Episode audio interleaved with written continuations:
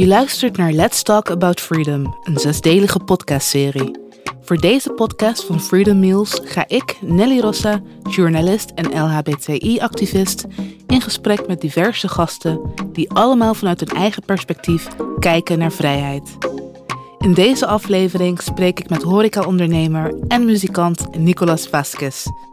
Wij voelden ons niet vrij. Eh, Het was niet het gevoel van vrijheid dat wij zochten als familie. Hij is de eigenaar van de horecazaken La Bohème, Mistral en Olas y Copas op Curaçao. Nou, Nicolaas, ik val meteen met de deur in huis. Wat betekent vrijheid voor jou? Ja, vrijheid is een beetje. ehm, ik denk heel belangrijk. eh, In, de sens dat het, bepaalt hoe je leeft. En eh, in ons geval, heeft, heeft te maken met blijheid. Eh, met, met, doe wat je passie voor hebt. En dat, dat geeft je op, op, een of andere manier een, een sens van vrijheid. Dus wat, wat je kan kiezen om te doen en, en hoe, hoe je voelt daarover. Dus ehm, vrijheid, dan een synoniem of eh, hoe, hoe, hoe ik het zie is eh, being happy. Dus, eh, hoe blijer je bent, hoe vrijer je bent. En hoe, hoe, hoe meer dingen dat je doet waarvoor je passie hebt, hoe meer vrij je, je kan zijn. Dat, dat is een beetje mijn definitie voor vrijheid. Nou, Het thema vrijheid en onvrijheid heb jij van heel dichtbij meegemaakt. Je bent geboren in Chile, dat is in de tijd dat dictator Pinochet aan de macht was. Voor de luisteraar die het niet weet, licht ik even toe wie Pinochet was. Pinochet was een Chileens generaal, politicus, maar bovenal een dictator. Hij kwam in 1973 door een staatsgreep aan de macht en zette Salvador Allende af met hulp van Amerika. Wat volgde waren jaren van geweld en mensenrechten schendingen tot 1990. Alleen al in de eerste drie jaar werden 130.000 tegenstanders gearresteerd, enkele tienduizenden gevangen genomen en gemarteld. Ook werden rond de 3000 linkse tegenstanders gedood of verdwenen en tienduizenden verlieten het land. Hoe was het voor het gezin Vasquez in die tijd? Ja, ehm, nou, je, zegt, eh, we, wij kiezen om weg te gaan. Ik denk dat wij, wij hebben niet gekozen, we werden gedwongen om weg te gaan. Dus dat, dat was, ehm, ja, heftig. Dus eh, als je een beetje anders dacht eh, dan de overheid, dan werd je achtergevolgd. Ehm, ze, ze, ze gingen jou, ja, stil, stil maken, een beetje... Ja, monddood eigenlijk Ja, maken. Mensen, mensen, en niet alleen dat, het is zelf erger. Want eh, er was veel invloed van, eh, zeg maar, de, de tortures. Dus ze gingen mensen echt, eh, ja, tortu tortura. Ik, ik weet Ja. niet de woorden in, in het Nederlands. Maar, Dus eh, marteling. ja, Maar is dat ook met jouw gezin gebeurd? niet, niet met mijn gezin, maar wel voor, weet je, we kennen mensen die het gemaakt hebben. Dus het waren al deze mini-concentratiekamps waar, waar, waar mensen werden echt mishandeld, zeg maar. Dus ehm eh, wij als familie hebben niet gekozen, we werden gedwongen. Dus eh, mijn- vader die was ehm, toen in de studentenraad van, eh, van een van de universiteiten. Hij dacht niet als de overheid. En ja, hij werd achtergevolgd. En toen kwam mijn moeder in zijn leven, toen kwam ik in, in, zijn leven. En zij begonnen ons achter te volgen. Nou, dan, dan ga je niet, het is niet een keuze, dan moet je weg. En, dat, dat, dat, dat was onze ervaring in dat momentum. Dus eh, als familie, wij dachten niet, eh, of wij waren het niet mee eens met, met, met, met de dictatuur. Dus het is geen overheid, de dictatuur. Eh, we waren het niet mee eens met de, mm, zeg maar, de, wat, gebeurde met de human rights. Dus de violation van die human rights. Wij zijn nog steeds niet mee eens. Wij, wij denken niet zo, dus wij, wij denken anders. Dus eh, dat is een beetje de ervaring van de familie Vasquez toen der tijd. Ja, je zegt het ook heel mooi, gedwongen. Het was niet een keuze. Ehm, ja, het gezin vertrok dus naar. Venezuela, Venezuela toen. eh het jaar eh, 85, dus ik, ik was één jaar. En eh, toen, toen waren mijn broertjes nog niet, dus eh, de familie was kleiner. En ehm, ja, dat, was, eh, dat, dat was een beetje de verhaal hoe wij van Chile naar, naar Venezuela waren gegaan en waarom. Dus, zeg maar. Kan jij je nog wat van herinneren in die tijd? Je zei wel net één jaar. Nee, ik, dus ik, ik- natuurlijk heb ik video's gezien en ik heb het erover gelezen, maar ik, ik kan het zelf niet herinneren. Dus er zijn wel een paar foto's en zo, maar eh, nee, met één jaar kan ik niet herinneren. Maar het gezin is niet gebleven in Venezuela. Ehm, wel, eh, een, gedeelte van, van, van mijn vaderkant is wel gebleven. Wij niet. Eh, eh, in Venezuela wa- was een heel mooie tijd. Eh, we- hadden het echt naar ons zin, zeg, maar. Maar ehm, ik denk in het jaar eh, 91 eh, kwamen al die, die, problemen met Chavez, de El Caracazo. En het werd geschoten in de straat. En weet je, het was een hele weer, oorlog ehm, ambiance, eh, als ik kan zeggen. En eh, mijn moeder zei van, weet je, we zijn weggerend van, van zo, zoiets. En, eh, dan komen we hier naar binnen zodat dit werd ervaren. We gaan terug naar Chile. En het was ook de tijd dat ehm, Pinochet, eh, ehm, zeg maar, uit de macht was. Dus eh, in Chile hebben, hebben, hebben ze gestemd om hem, zeg maar, te stoppen. Dus eh, ja, toen waren we teruggegaan naar, naar, Chile. Ook, ook ehm, eh, dus het, heeft niet per se te maken met een ideologie. Want misschien, ja, we, zijn meer naar de linkerkant. En eh, ja, in theorie, Chavez is wel links, maar het, het heeft niet te maken per se met een ideologie. Het heeft te maken meer met de stabiliteit van een land. Dus dat, dat je gewoon veilig kan voelen. En ja, mijn moeder vertelt nog, en dat kan ik me, wel herinneren. Wij, gingen brood halen, zeg maar. En ineens politie op de straat, traangas in de, in de straat, eh, geschoten. Zij, zij wou dat niet meer eh, zien. Dus het is echt ehm chockerend. En dan, ja, mijn moeder met drie kinderen aan het lopen in de straat. En met al dat gebeurt, dan eh zij zei tegen mijn vader van, dit houdt op. We gaan terug naar Chile. En nog steeds Curaçao. Wanneer kwam Curaçao op eh, bij het gezin? Ehm, toen wij in Venezuela woonden, ehm, onze eh, zeg maar bestemming voor vakantie was altijd Curaçao. Mijn, mijn vader die hield erg veel van Curaçao. En ja, ik, kan niet zoveel herinneren, maar blijkbaar waren wij heel erg eh, blij. En dan terugkomen vrij, zeg maar, in Curaçao op onze vakanties. Toen tijd was het een, een ferry, dat je kon met de auto komen. En ja, we, kwamen bijna elke dag op, op eh, sorry, elke dag, elke jaar. eh, als wij vakantie hadden, kwamen we naar Curaçao. En mijn, mijn vader die, ja, vond het superleuk. En ehm, toen wij teruggingen naar Chile, ehm, zeg maar, het is een heel andere soort maatschappij. Hoewel de dictatuur was eh, gestopt, de grondwet was de grondwet van de dictatuur. Dus eh, natuurlijk, al die criminele gebeuren was een beetje gestopt. Maar eh, structureel, zeg maar, de eh, economische model, de, eh, een beetje de mensrecht op grondwet was een beetje dezelfde als de dictatuur. Dus ik geef een paar voorbeeld, voorbeelden. Dus ehm, Chile is nog de enige land waar water in de privésector is. Dus heb je niet betaald, dan gaan ze de kraan gewoon dichtgooien. En dat gaat een beetje tegen mensenrecht. En, eh, of ehm, ik denk dat het nu wel is gestopt, maar een paar jaar geleden was je ziek, had je geen eh, verzekering. Moest je, als je naar de hospitaal moest, dan moest je een, blanco check leveren, ander, anders werd je niet eh, geholpen. Dus dan ging je dood. En dat, dat is ook een gedeelte van de dictatuur grondwetten. Dus ehm, ja, gelukkig is nu een hele nieuwe ehm, wave. Dus ehm, mensen zijn opgestaan, ze zijn gaan protesteren en nu praten we over een referendum. En eh, hopelijk komen er veranderingen. Maar toen tijd, in de jaren negentig, toen, toen, toen net de dictatuur werd gestopt. eh, ja, natuurlijk. Het, werd geen eh militairen meer op straat. En, het werd niet, niet, niet deze repressie meer. Maar structureel, het was een beetje dezelfde Chile eh, dan de dictatuur. En ehm, Maar hoe belemmerde dat dat in jullie leven? Hoe zag je dan dat de grondwet eh, eh, jullie is- vrijheid inperkte? Het is, het is sy- systematisch. No? Dus mijn vader werkte super hard. En mijn moeder was een lerares. Dus zeg maar de, de salarissen of de, de sociale voor, voorzieningen. De sociale, ehm, eh, niet alleen voor ons, zeg maar voor de hele, of voor de grote gedeelte van de maatschappij, het is super oneerlijk. Dus dat, dat was omdat, eh, eh, dat, was de reden waarom de, de hele protesten be- begonnen eh, in, in 2019, denk ik, in Chile. Ehm, kijk, een, opa die, die heeft zijn hele leven gespaard voor pensioen. En, en dan kreeg hij een pensioen van eh 100 dollar, ik zeg wat. Is niet eerlijk. Het is niet... ehm, Het is niet gelijk. Het is een ongelijke di- maatschappij. eh, hoe zeg je dat? Eh, dignity. eh, Ja, waardigheid. ja, je wordt niet wa- gewaardeerd met, met wat je hebt gedaan met je leven. Dus het, hoe leef je met 100 dollar, zeg maar.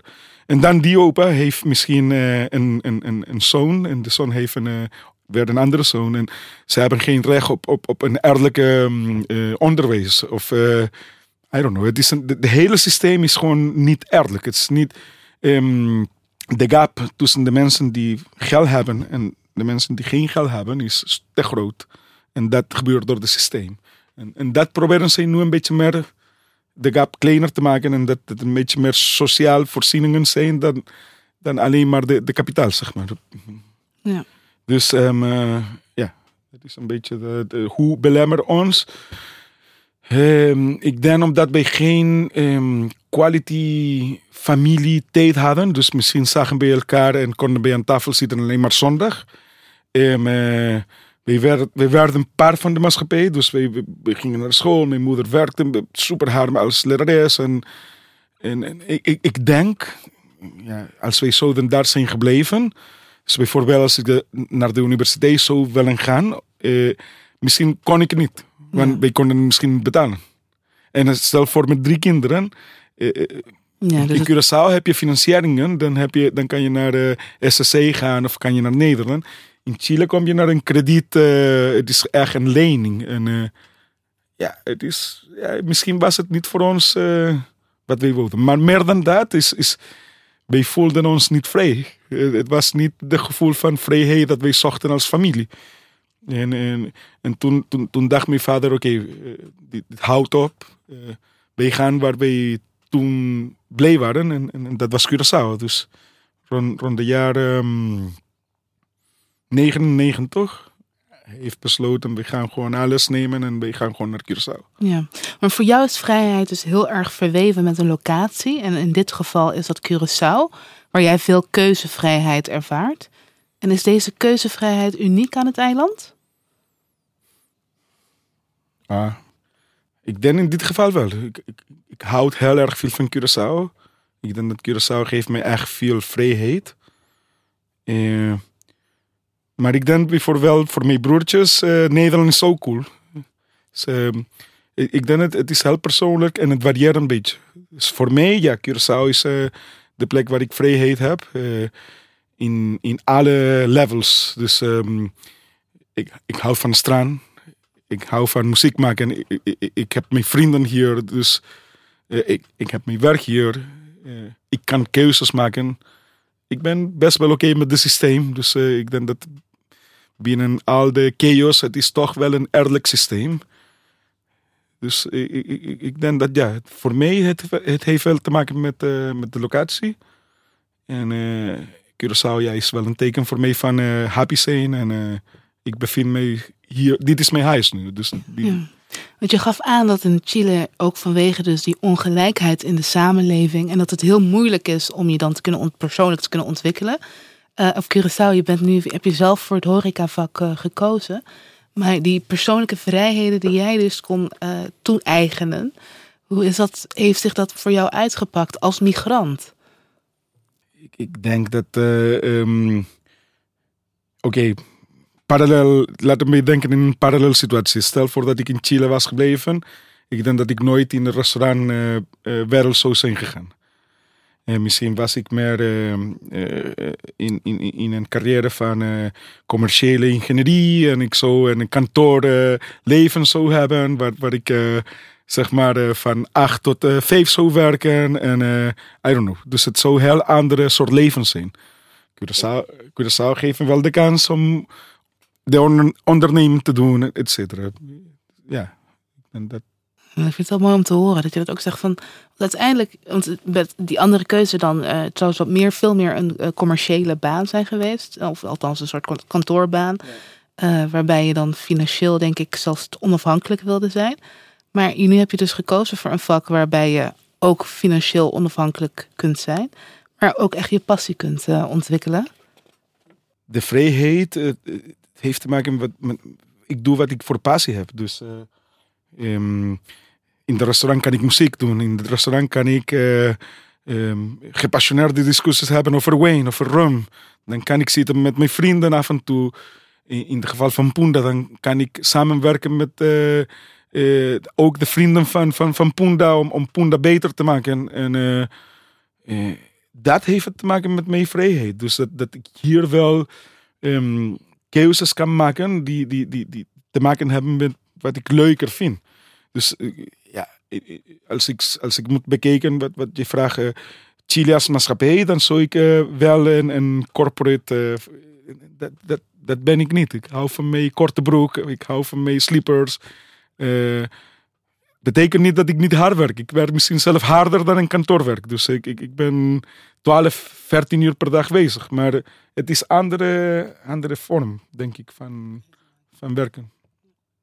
We gaan nu naar een eh, muziekfragment. Ik ben heel erg benieuwd naar je reactie.